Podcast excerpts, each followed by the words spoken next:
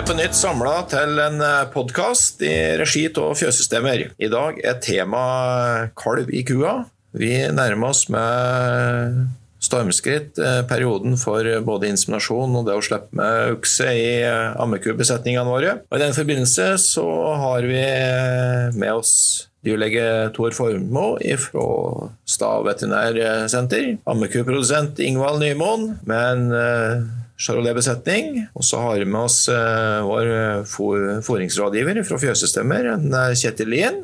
Og meg sjøl, Anders Bergom, som jobber på Fjøssystemer og er ammekuprodusent i tillegg. Vi deler litt opp dette her, men begynner litt med fòring og, og ser litt på hva det er som skal til for at kua skal komme dit vi vil.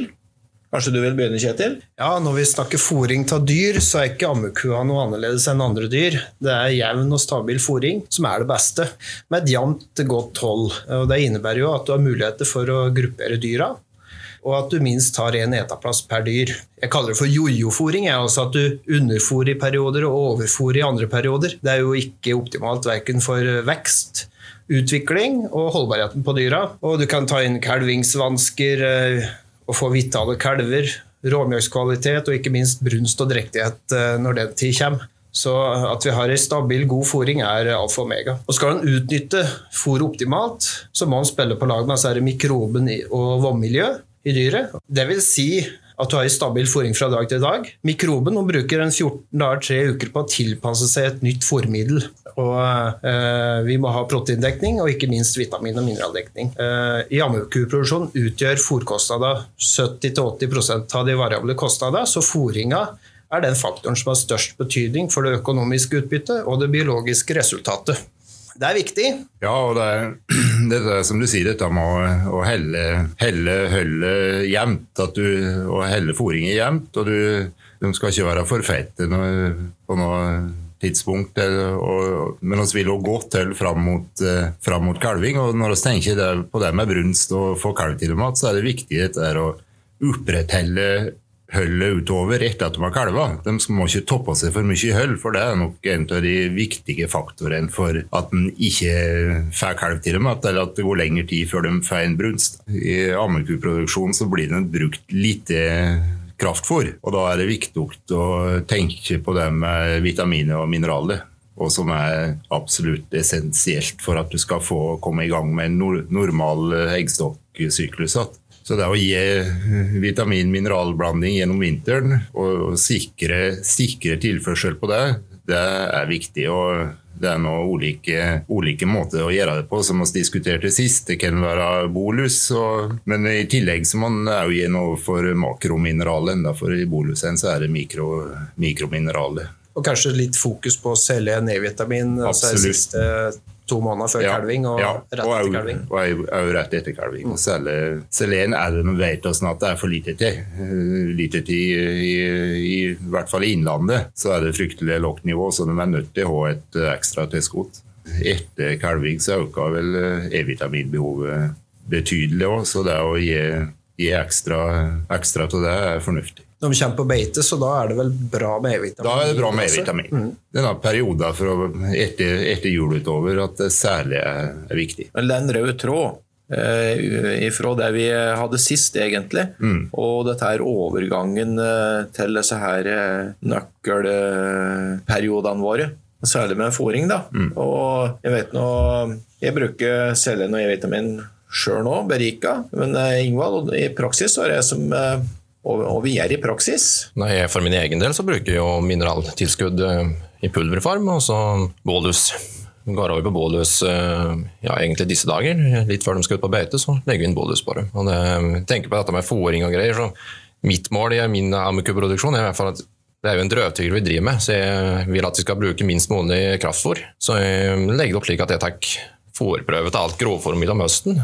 Og så jeg vet hva slags kvalitet jeg har. Og så spare det beste grovfòret jeg har nå, bruke det fra litt før kalving og nå hele perioden nå fram til beiteslipp. Da jeg har sendt de fòrprøvene over til en fôringsrådgiver, og da setter de opp om vi skal bruke kraftfòr eller om vi klarer meg uten kraftfòr. Det er jo ikke noen kjempemjølkemengder på ammekue, så hvis en har godt nok grovfòr, så klarer en seg da uten kraftfòr. Og det tenker jeg er ganske viktig med det vi snakker på her, at vi skal prøve å produsere mest mulig på norske, norske råvarer. og da det er gras, da. Ja, helt klart. Ei, ei ammeku hun eh, mjølker fra 6 til 12 liter om dagen. og Med et normalt eh, godt grovfôr så dekker du energibehovet til eh, den kua. Og hvis du har 14% råprotein i grovfòr i tillegg, da, så er proteinet òg dekt. Ja, og det ser vi i praksis. De kommer jo til brunst på seks uker nå, når de kun går på en grovfòrdiett. Men da må man jo selvsagt være fryktelig påpasselig med dette med vitaminer og mineraler ved sida av. Ja, det er min oppfatning òg. Jeg bruker ikke mye kraft for Jeg bruker kraft for å være sikker på at de tar opp uh, mineraltildelinga. Men nå, nå er de jo veldig glupske på den nå. Så det, nå er det ikke kraft for i hele tatt, egentlig. Mm.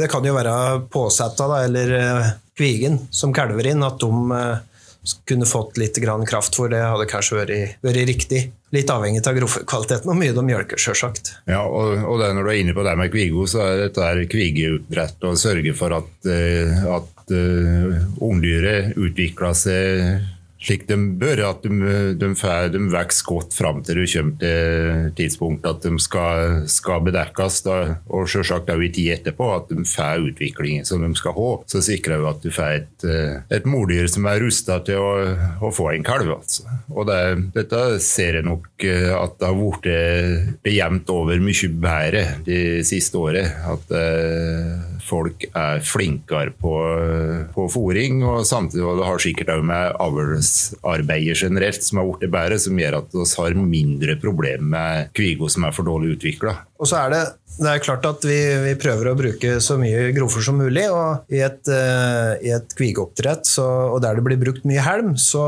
så, er det jo veldig viktig at en tar hensyn til det og, og får tilført med et proteinkonsentrat, så de har noe å utvikle seg på, for de trenger protein for å vokse. Da syns jeg at eh, det skal kanskje å nevne dette med besetningsstørrelser og muligheter for å gi litt ekstra til enkeltindivid som kanskje trenger det mer. Har vi eh, fanghekket eh, samtlige dyr, så har vi òg mulighet til det uten at vi har noe behov for å gruppere og lage egne grupper. Dette vil jo være litt praktiske fra gard til gard. Men det bringer oss jo litt over på en annen ting, da. Og det er jo hva slags strategi er vi skal velge. Skal vi bruke semin? Skal vi bruke avlsøkse? Hva er det som kreves? Og kan vel si det at det er en dyd av nødvendighet å ha fanghekk hvis en skal drive, drive, med semin og kanskje påskynde den avlsmessige framgangen i besetningen. Så nesten bare lyst til å høre litt med Toron Ingvald her. Og og er det dere gjør? Hvordan har dere opplegget? Nei, Dette der med å, å ha en skikkelig, og, skikkelig fanghekk og en fungerende fanghekk, det er alfa og omega hvis du skal drive med dette. der, og det gjelder gjelder for så vidt uavhengig om, om du skal bruke semin eller ikke. For det, det, er ikke bare inseminering som er aktuelt, er andre ting òg. Og dette har ha mulighet til, til, å fiksere på en sikker og trygg måte, og eventuelt en uh, sjukebinge i tillegg. Dette for å skjølge fra dyr. Og det er helt nødvendig. Du har gått med sjukebinge og slik, Ingvald. Jeg vet men i forhold til om det er insemineringer, så går de vel kanskje stort sett i flokken, og at du fikserer dem. Ja, nå har jo jeg fanget katt elle, stort sett. Så, og inseminering med, nå er det jo slik eh, Jeg er egentlig ganske fersk på å inseminere, men jeg har drevet med det de siste årene. Og inseminerer vel i dag rundt 50 eh, stykker. Så, da, så har jeg en gruppe på en liten gruppe til som går med bukse. Og det er rett og slett av praktiske årsaker at de ikke har mulighet til å fiksere dem bra. Eh, så det er alle sammen. Fikser alle sammen i hver gang vi skal inseminere, for da lærer de seg til å stå der. Så egentlig det går fryktelig fint. Og det, og det, er som regel det er såpass konsentrert å prøve hele den kalvinga såpass konsentrert, så det er, det er, ofte at det er mange, selv flere, som skal insemineres hver dag i den insemineringsperioden. og da syns jeg det er like greit å så jeg vite å skille ifra, skille ifra den som skal insemineres nå. Jeg bare setter fast alle sammen. Da... Ja, det tror jeg er fornuftig. og Dette er ikke mulighet til dette å sette fast heller. For hvis du driver der og står og skal konsentrere og inseminere, og du flyr noe løse rundt, da får en i hvert fall hjelp. Og det er ikke noe som er så irriterende så kommer noen og dulter borti, borti hånda di når du skal prøve å treffe rett inn. og så Det er en helt avhengig av. Og jeg liker jo det, det er klart det kommer jo akkurat hvordan du har det, da, men nå liker jeg å drive i fjøs, og er jo det jeg prioriterer. Så jeg liker å være med når dyrlegen eller inseminøren er der og inseminerer. For det, ja, som sagt, det er ganske ofte flere om gangen. Jeg, liker å, å, ha den dialogen med dem som er der og gjør det. for da sier de litt hvordan, om jeg treffer på brunst, og om hvordan vi gjør det, og det syns jeg i hvert fall har lært mye av. Og rett og slett være med den som er der og inseminerer. Absolutt uh, fornuftig, og det er en stor fordel for, for, den som skal gjøre jobben, at Emma er grunn til å, som Emma hjelper til, og Emma holder rumpa eventuelt, og om ikke annet òg skyser unna dyr som eventuelt skulle være løse rundt. Og så er det som du sier, at en kan diskutere ting i hop, og det er størt lærerikt for hele parten. Og som du sier, uansett så oppi den bingen om en setter fast hele måldyrene, så flyr jo kalvene der. og De kan være innpåslitne nok, dem Så det er greit av det heller i munnen. Det er litt HMS i det òg. Absolutt. Det er litt avvikende åt mer, da, skjønner jeg. Eh, I og med at jeg er borte om dagen eh, ofte når inseminøren kommer. Men eh, jeg tror Ingvald har, har et veldig godt poeng der det å sette alle sammen i fangekken. Og slik jeg forstår det, så, så, er det nesten bedre at du har gruppa i hop. Mm. For da står de litt uh, mer innatna og mye mer stabile under eh, inseminasjon. Ja, og jeg, og jeg, tror det er positivt for dyret som er i brunst i forhold til For hun vil gjennomføre den aktiviteten og de, de skal gjøre når de er i brunst. og det, og Da blir skjørt ut og stå eh, flere timer for seg sjøl og ikke få være med i hop med den, den, gruppa de driver med.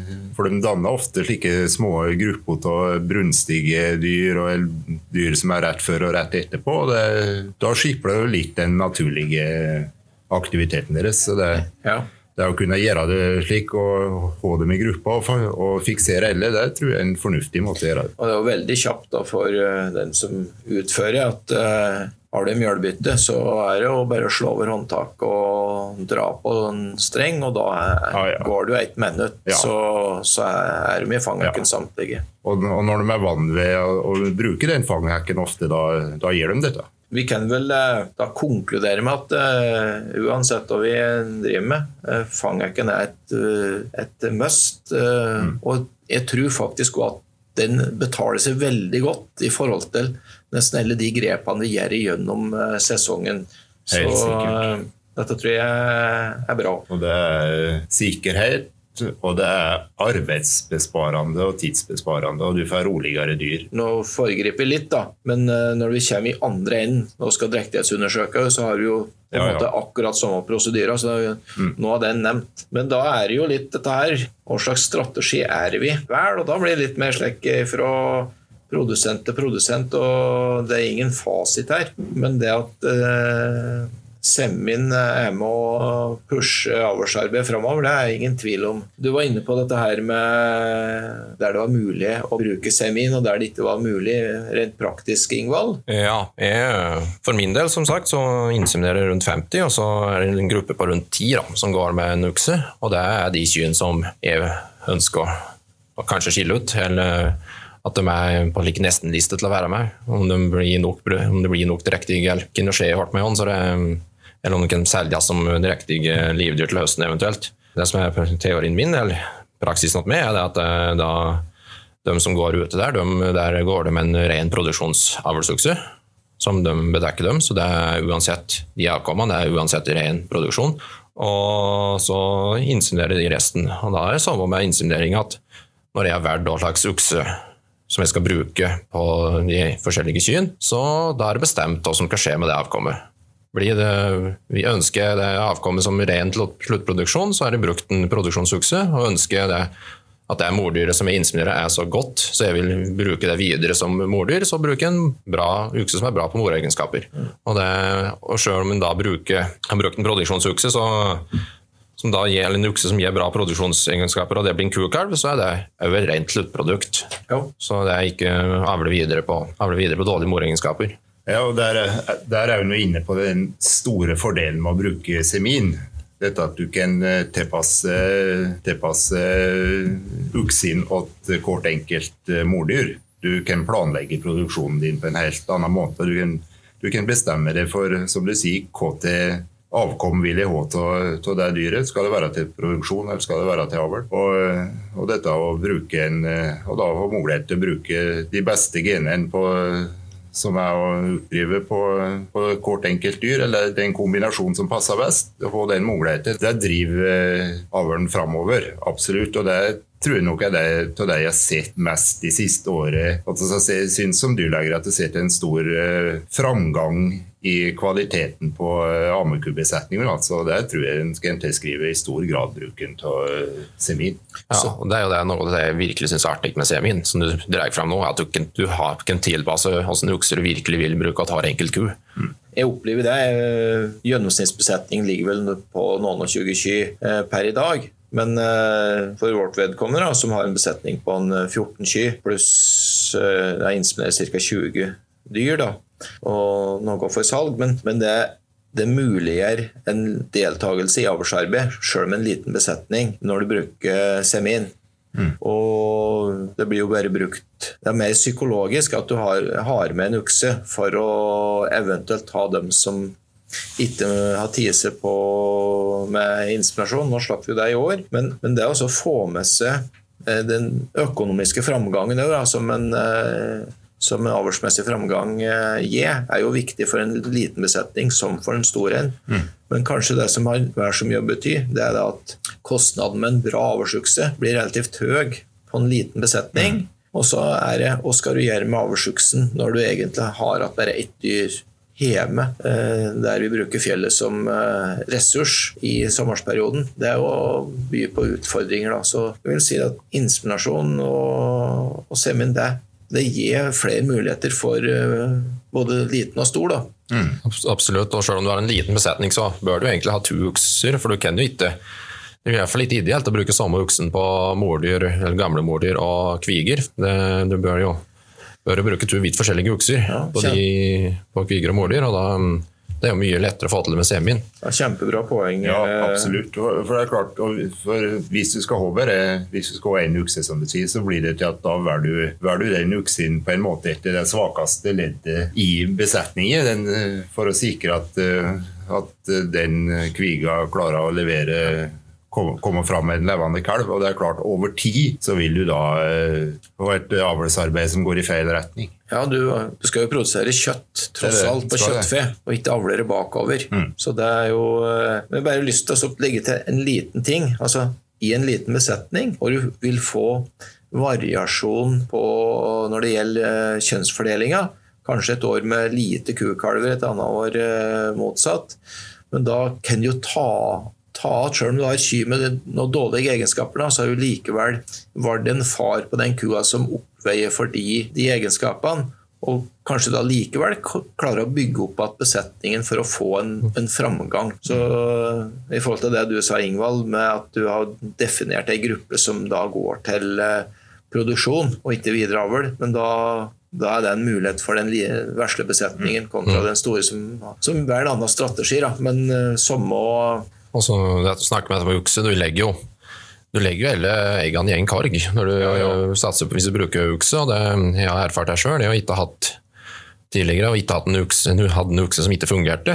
og Det, det er fryktelig harmelig. Du kommer, eh, kommer helt på otur. Om du parer opp noe senere, så får du en kalvingsperiode som blir mye lengre. og Det blir, blir, mye, det blir en kjempekostnad, egentlig. Ja, og som om du har en ukse som liksom etter Lynne har en viss arvegrad så er det i hvert fall som er på utmarksbeite, er jo avhengig av at vi har en noenlunde bra lynne. og det, Hvis du da har en lynne som en ukse som er litt lik litt bob-bob, kan være på lynne f.eks., så plutselig har du det på to generasjoner med, med avkom. Mm. Og da kan du dreie det med det i mange år framover. Sjøl om du bruker en semiukse som da kanskje viser seg at kan gi litt uh, forskjellige lyder. og slik så er det i hvert fall bare på noen få, stort sett. Ja, ja, det er absolutt det der. Du, du sprer, sprer risikoen på en helt annen måte når du bruker, bruker semin.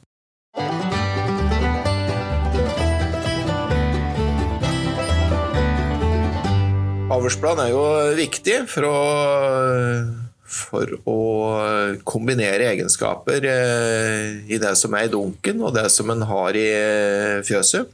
Så eh, Ingvald, hva legger du vekt på? Hvordan er strategien din? Nei, Det er noe som vi prata på i stad, at det kommer akkurat an på hva du vil med avkommet. Og avlsplan, det å sette opp hvordan en skal inseminere slik, det er slik arbeid jeg pleier på å kose meg med i jula. For da har som regel uh, uksekatalogen kommet, og så tar jeg sjøl en runde i fjøset og ser over Jeg ser rett og slett på alle dyrene mine sjøl. Og så um, tenker litt på hvordan skal vi bruke denne kua her nå neste år. og noterer med noen stikkord på hver ku, og så går jeg inn og setter meg ned med uksekatalogen, og i hopes med innavlstabell, så jeg ser eh, at det ikke blir noe trøbbel med innavl, og så velger jeg ut okser sjøl, ut ifra åssen egenskaper jeg vil forbedre på de enkelte kyn. Ja, det blir litt dårlig reklame for storfekjøttkontrollen. Jeg har så vidt prøvd å bruke den avlsplanen som er i storfekjøttkontrollen, og den syns jeg ble knotete. Så jeg bruker rett og slett håndskrivelister som jeg skriver sjøl, som jeg da bruker under insemineringa. For da har jeg en plan på hår og hva slags okse jeg skal bruke på hver enkelt dyr når vi kommer til ved insemineringa. Jeg har vel egentlig litt samme erfaring sjøl òg, Ingvald. Den, eh, den, løsningen med innavlsdefinisjon, der du ser prosentandel ved valgt ukse, den syns jeg er veldig fin. Ja, helt enig.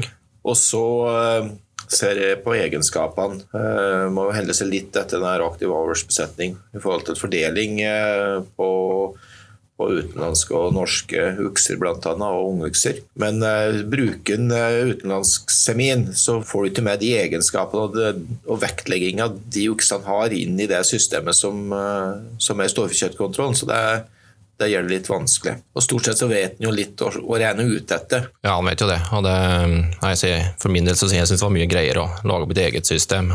Samtidig når det kommer til inseminering, sånn, da fører lister på hvordan på dømmen har inseminert, og bruker selvsagt brunstkalenderen og noterer alt der, men at man òg fører lister, i min egen del, altså jeg klarer å ha oversikt på hva jeg har inseminert og hva jeg ikke har inseminert. Det er ganske viktig, syns jeg. i hvert fall. Det er sikkert flere måter å gjøre dette på, men det å få opp eh, brunstkalenderen tidlig og notere brunsttegn er jo en uh, veldig bra hjelpemiddel. og jeg ser nå det at Hvis en får levd opp unga nå, hvis noen kyr som driver og rir i fjøset, så klarer de å skrive opp nummeret. Og det å få flere til å registrere, det, det er bra.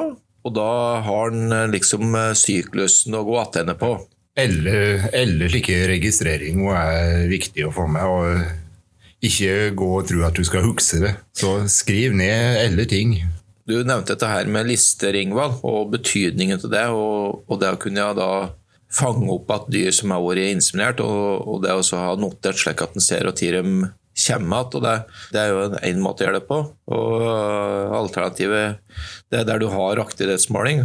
Eh, jeg ser på den, den aktivitetsmåleren som, som, vi har fra Leli, den, der får du forventa brunst og tid de kommer igjen. Og det forenkler i hvert fall hverdagen vår. Ja, det gjør det sikkert. Jeg har jo ikke noe aktivitetsmåler i dag, så vi gjør det på gamle måten. Men det blir jo som lista di, egentlig, mm. men den kommer til seg sjøl. Og det er en veldig god forenkling, da. Helt sikkert.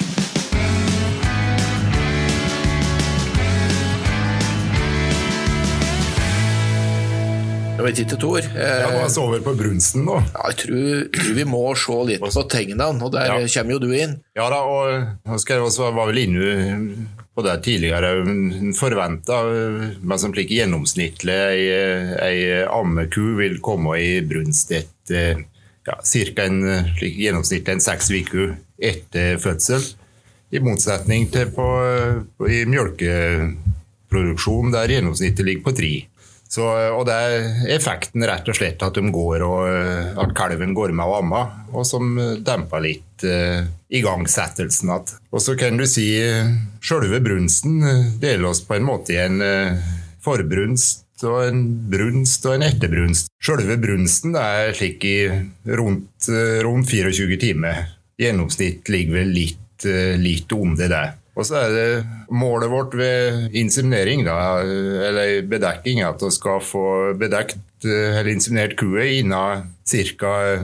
Innen 24 timer etter starten på brunsten. Og de, de tegnene som du har på ammekyr, det er det samme som på mjølkeku. Det, det er, de viser litt atferds, atferdsendring òg begynner ofte med rauting eh, slik tidlig i, i forløpet, og, og rieaktivitet. Og så vet vi at det er typisk at i løst når de går løse slik, at du danner Da vil det ofte være flere dyr som er i brunst eller i forkant av brunst eller rett etterpå. De danner ofte litt like små grupper og er fryktelig aktive.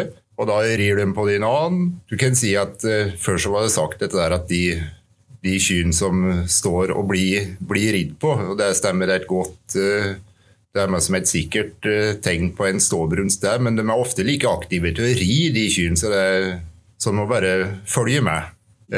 Og så er det de andre tegnene på De blir litt hovne bak. auka farge i, i skjedeåpningen. Forbrunsten kommer det ofte litt det begynner med litt seigere slim, eller litt tjukkere slim.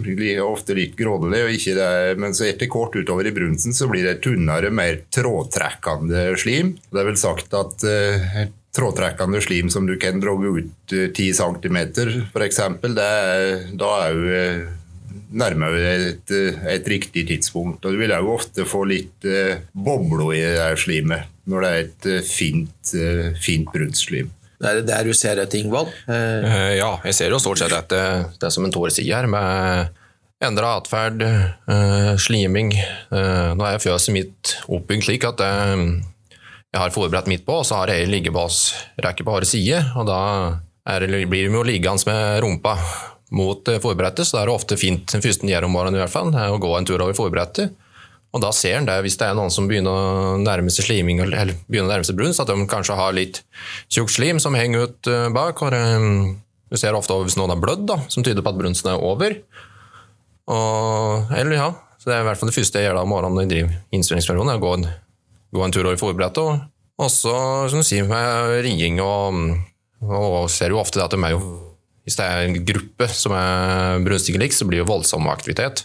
Og de er jo gjennomvåtet og svette, og, og, ikke noe vanskelig å se som er brunst. Men det kan være litt vanskelig å se hvem som faktisk er brunst, og hvem som kanskje kommer i brunst om to dager, eller om de har vært i brunst. Så det må en jeg bruker det som du sier, Tor, at hvis, hvis en ser at kua blir ridd på, og hun står stille, så er hun helt sikker på at hun er i brunst. Men eh, det er ofte at det kan være med noen å ri, som jeg har bomma på det flere ganger. At jeg har prøvd å inseminere dem, og så er sier insemineren at denne her tror du bomma på, og så går det fem dager, og så er hun da Så brunstig. men i hvert fall hvis en ser at de blir ridd på dem står rolig, så er en helt sikker på at denne er i brunst. Det tror du har helt eh, rett i, og du er ikke alene om å oppleve det, Ingvald.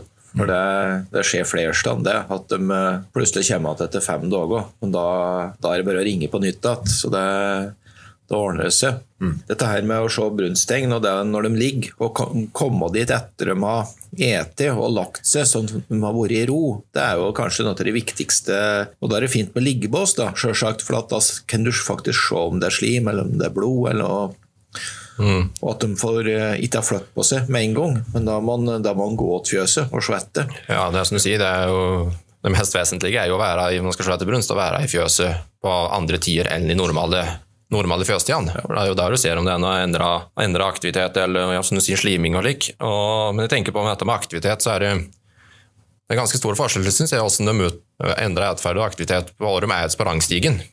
Og om det er andre dyr i tilsvarende nivå på rangstigen som òg er i brunst. Hvis det er ei enkelt dyr som ja, kanskje en førstegangskalver som er, er brunstig og som går i hop med de voksne dyrene, så er er ofte at hun ikke viser noe særlig med brunst. for Hun blir rett og slett såpass nedtrykt, så jeg tror ikke de tør. Mens eh, de eldre kyrne lik, de viser kanskje mer, at, mer aktivitet igjen, som er i toppen av rangstigen. Dette vil si der å, å bruke, bruke, tid og, og være flere turer å gå på. I, i denne perioden så kan en eh, da er det det som er det vesentlige, å bruke, bruke mye tid der og observere og kjenne dyret sine godt. F.eks. dette Color Man på rangstegene, som du sier. Der, for de, de, viser små ting, de òg. Det er bare at en må lete ekstra godt etter dem. Ja, det er det. Og det er som du sier, det handler om å kjenne dyrene sine. Mm.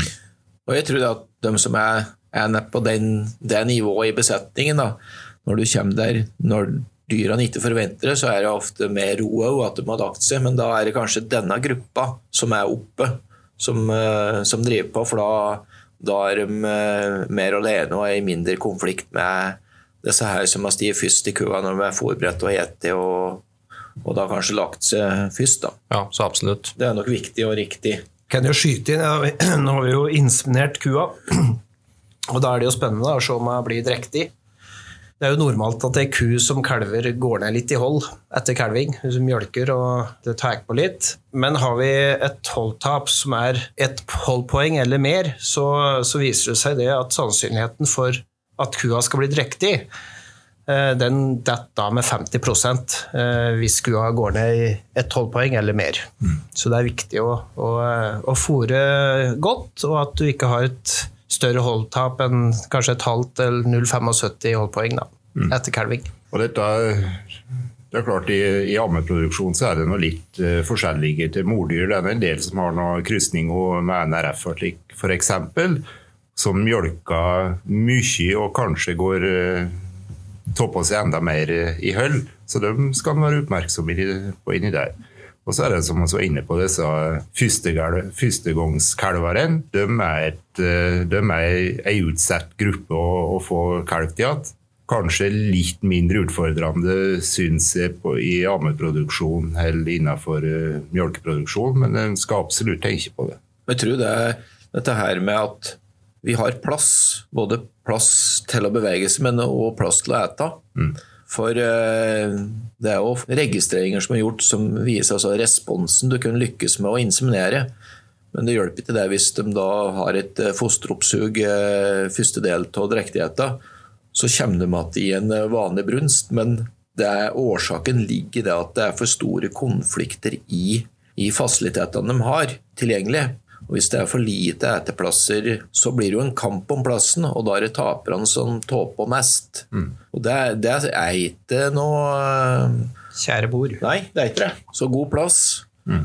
og nok plass til det de uh, trenger, det er, det er, viktig. Og så, så var jeg inne på dette med å, å, følge med på uh, når du har fått registrert en, en brunst. det er viktig å komme i gang med registreringa så fort som mulig, så fort du ser det. og Ofte så blir det ikke noe inseminasjon eller paring på første, første, brunsten, men da har du registrert den, og så har du et, eh, et tidspunkt for når du forventer at det kommer igjen. Da har den mulighet til å følge godt med. Syklusen på er no, normalt tre uker, men så har du variasjoner. Det kan variere fra 17 til 24 dager. Det er på samme individet, men jeg har i stor grad inntrykk av at kort individ kjører er ganske lik fra, fra syklus til syklus. At de har, har, i stor grad samme lengde på slik at da med gode noteringer så har du et godt utgangspunkt for å treffe på, på brunsten. Det er, det er et godt uh, hjelpemiddel da, når du skal observere dyret, at du, at du har en formening om tid de skal komme. Kan uh, være et, en aktuell sak hvis du har træla med et dyr, Tor? Ja da, Absolutt, hvis det er ei som, som det er fryktelig vanskelig å, å bestemme hva som hvor tid er høgbrunsten. Så det er å, å koste på ei eh, dobbeltinseminering, det, det, blir en liten kostnad i, hvis du får kalv, jo. Hvilket eh, tidspunkt vil du anbefale da? Nei, du vet, Her er det ofte det at du er redd for at du inseminerer for tidlig. da. Og da er det, hvis du, du inseminerer når du tror høgbrunsten er, og så må du bare observere henne dagen etterpå.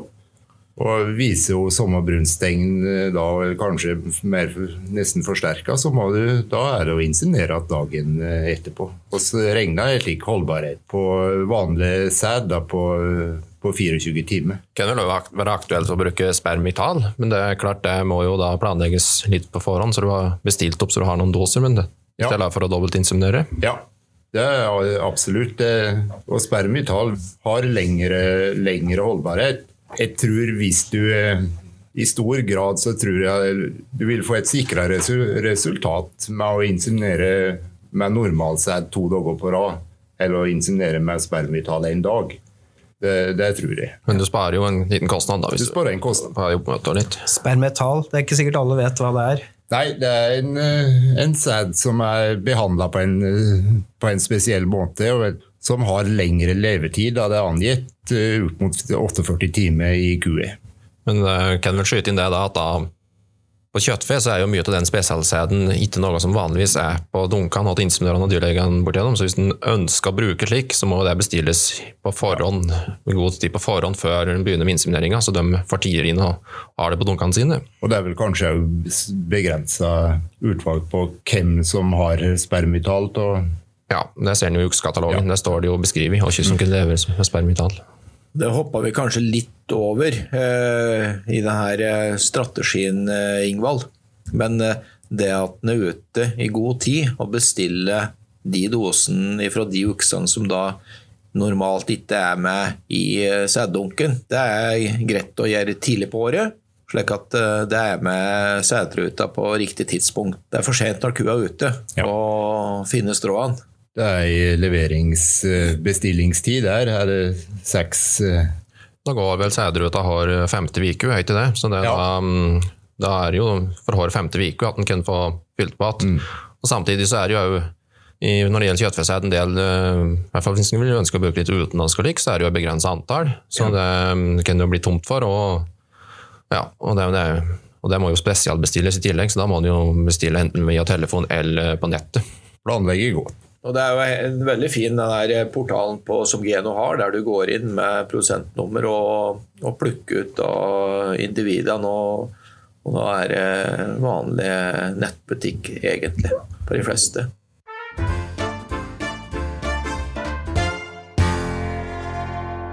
Når du er innom litt slik eh, som ikke så mange bruker, så er jo litt på Embro. Jeg tenkte vi skulle si bare noen ord, eller litt erfaringer. Eh, like, så mye kanskje, Ingvald. Du, du har jo vært borti Embro.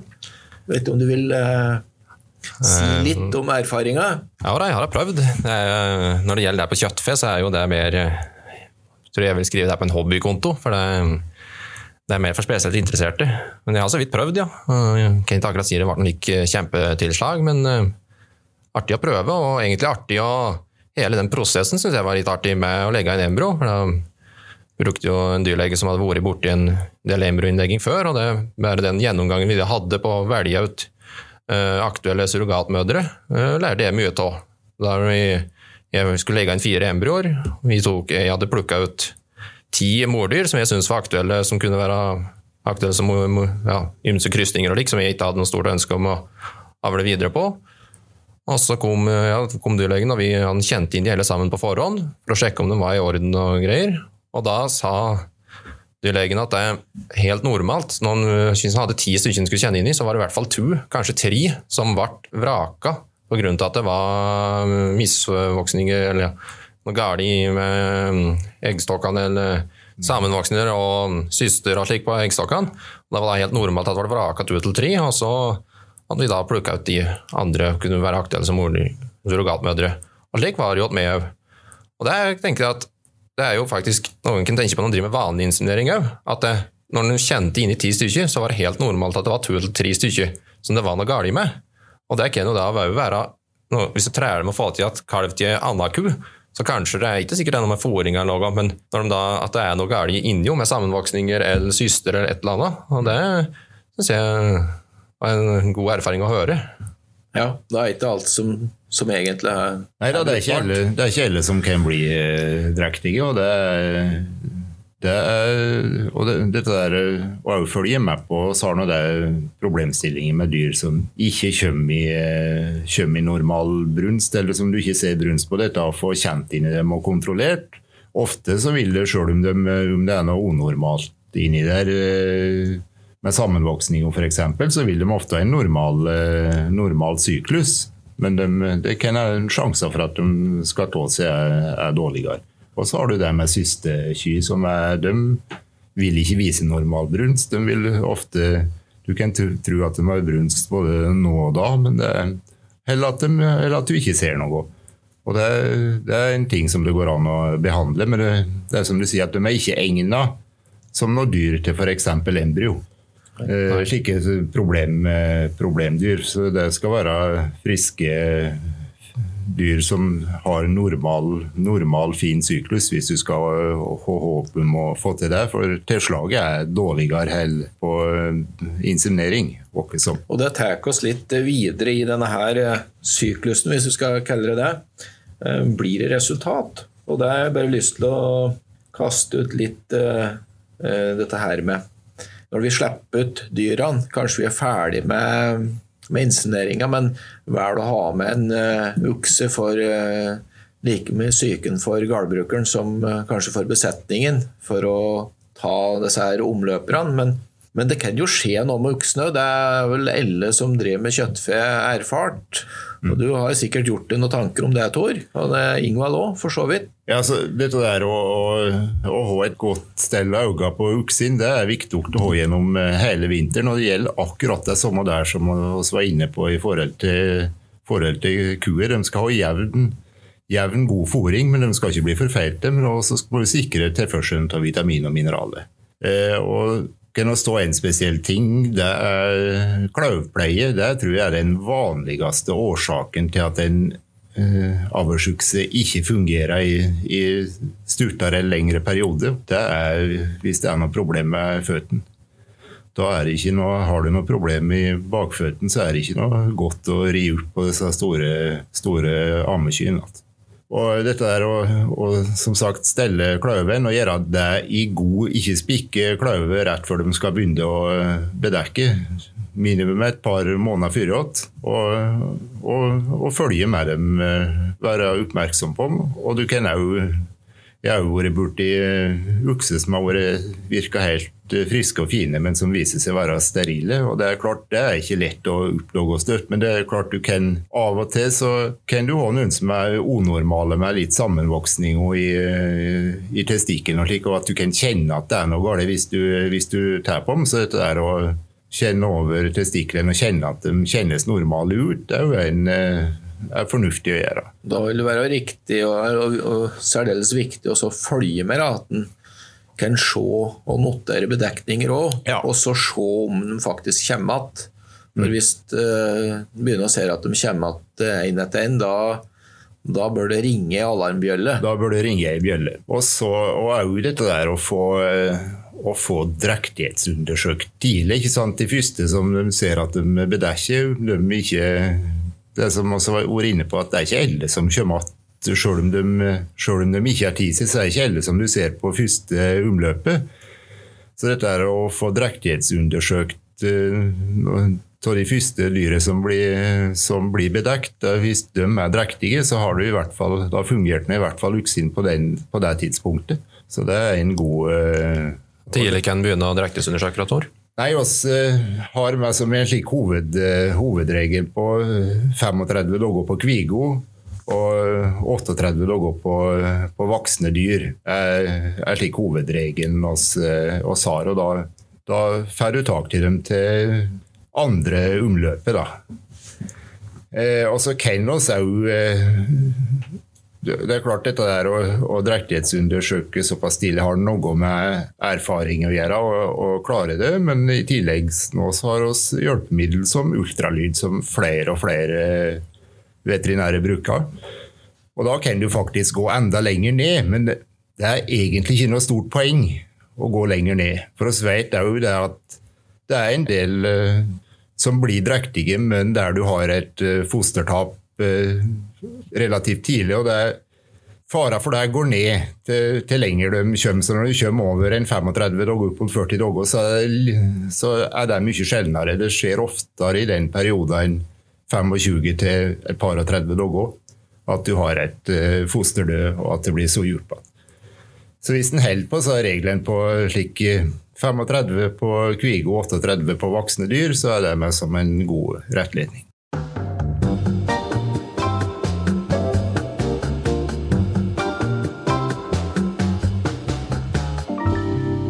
Kanskje viktig eh, i eh, forbindelse med eh, inseminering å se hva slags sky eller kviger det kan være noen utfordringer med. Og jeg har lyst til å utfordre deg, Tor, på er det noen, noen dyr som, som, vi kan ha noen utfordringer med, erfaringsmessig? Ja da, det er, det er summe, summe, ting vi skal være oppmerksom på. F.eks. Eh, kyr som har vært gjennom eh, harde kalvinger. De vil være mer utsatt for å få eh, ja, problem i børn da, med bør, milde børbetennelse. ting, og De vil, vil ofte komme senere i syklus, og være oppmerksom på dem. Være oppmerksom på, på flyt, flytning og urenheter. Det er normalt at de har litt av det første tida etter etter fødselen, men etter kort så skal de renske seg godt. og Dette er ting som en kan følge med på når de når de kommer i brunstad og det kommer slim, hvis du har urenheter i slimet da, så skal en være, være, oppmerksom på det. Det er ikke noe Det kan godt være litt av det f.eks. i starten på en brunst når, de, når de kommer, men det skal renske seg og bli, se fint og rent ut eh, når de er i, i høgbrunsten. Og i hvert fall eh, følge med på slike på når de kommer på, på neste brunst, som den en skal kanskje legge, inn på hvis en ser at det er urenhet eh, da, så er det et, eh, da skal en være oppmerksom. Eh, harde kalvinger ja, kan være en årsak. Slike som blir stående med etterbyrden, de er jo mye mer utsatt for å få urenheter. Og er, dette er det nå en god del diskusjoner på om hva en skal gjøre med etterbyrd, men eh, jeg mener at det er riktig å, å fjerne henne. Men eh, innenfor, eh, innenfor en Du skal, skal ikke bruke, så, bruke makt og, og droge det ut altså for enhver pris, men vi anbefaler at hvis det blir stående med, med etterbyrden, at dyrlegen kommer og prøver å løsne den og, og ta den ut. For eh, jeg tror det er mye mindre sjanse for at du får en, eh, en børbetennelse på dem, altså, eller ei orenhet. Så det er et uh, poeng, å, poeng, å, følge med på. Du var innom Kvigå og slik, og der er det nå for så vidt ikke samme Du har, du har nå ikke de risikofaktorene som med, med kalving og etterbyrd, men du kan av og til òg ha orenheter på på Kvigo, altså, så det gjelder det samme der å følge med på slimet. Det, det, skal være klart og rent og fint slim altså, når de er i, i høgbrunsten. Ingvald, hva slags erfaringer har du gjort eh, i forhold til den eh, Tor ski her? Nei, Jeg har erfart omtrent en Tor ski, at eh, hvis en har hard kalving, og spesielt på kviger, som ofte er harde kalvinger, så kan det gå lang tid før de kommer i brunst igjen, kanskje være vanskelig for dem å ta seg igjen. Men eh, og dette med at etterbyrden ikke kommer, spesielt der på tvillingfødsler, så tror jeg det er riktig, som etter mine erfaringer òg, å få dyrlegen til å komme og fjerne dem. For det, da får du ei ku som er mye lettere til å ta seg igjen enn om hun blir gående her med etterbyrden. Det er nok fornuftig. Mm. Ja, da, og, og, Du risikerer òg å få skikkelig børbetennelse på slike som blir, som blir stående med, med etterbyrden. Og det er klart, da topper de seg fryktelig fort. Går utover melkeproduksjonen, og det går enda lenger før de før de kommer i brunstdatum. Og, og større risiko for at det blir sammenvoksning og kroniske forandringer som gjør at du ikke får kalv til godt. Og Da får vi langvarige defekter og kanskje ja. ødelegge et veldig bra avlsdyr. Det kan vi gjøre. Så da konkluderer vi med at uh, i slike tilfeller ringer vi dyrlege. For å dra dette her litt i, i hop, så kan vi jo ta litt eh, hovedpunktene våre. Så i god fòring og være sikre på at vi har både energi, vitaminer og mineraler, Kjetil. Eh, det å kunne legge inn bolus, det er én ting.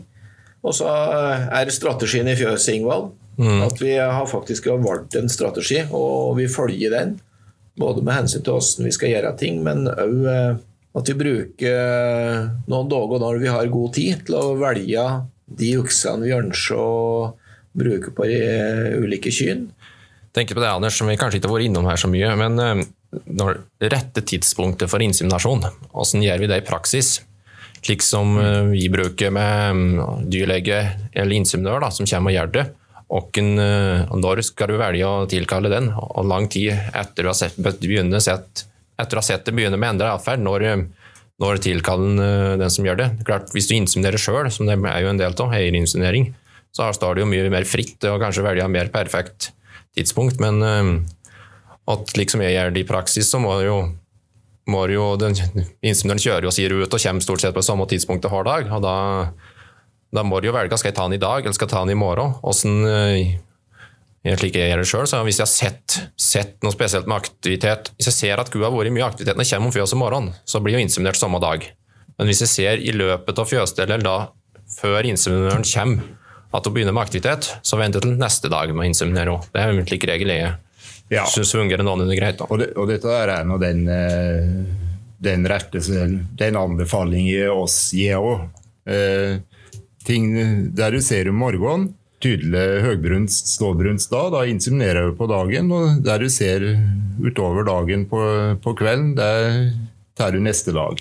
Og forsøket som er gjort, eh, eller erfaringen viser at det har egentlig mindre betydning hva tid på dagen dette, dette blir gjort. Det, det, skal helst skje ca. Et, et, et døgn, som sagt eh, etter at de kom inn i, en, eh, kom inn i den eh, gode eller riktige brunsten. Og, og, om det går noen timer til og fra der, har egentlig, egentlig mindre betydning. For det er jo tilfeldig f.eks. dem du ser om morgenen, hvor tid de begynte. Det kan du, kan du mest ikke være sikker på. Så, så eksakt klarer du ikke være åkke som. Så, men dette er, det er hovedregelen. Ser du morgenen, så tar det samme dagen. Ser du videre utover dagen enn på kvelden, så tar det neste dag. Det stemmer ganske bra, syns jeg. Når de går og fjøser, så ser de jo over eh, besetningen. Og da, da liker jeg å se ting med øynene, og så dobbeltsjekke aktivitetsmåleren. Og hvis da det er samsvar med det jeg har sett, og det den har registrert, og den er ofte han er bedre enn meg, det tror jeg jeg skal si. Eh, men da får en eh, bekreftelse, og da er jeg mye mer trygg på at dette her stemmer. Og hvis en har, ser, kastet blikk bort på brunstkalenderen og, skri, og skriver opp der at den, eh, den kua der hun går litt lenger, så da kan du faktisk vente til dagen etterpå.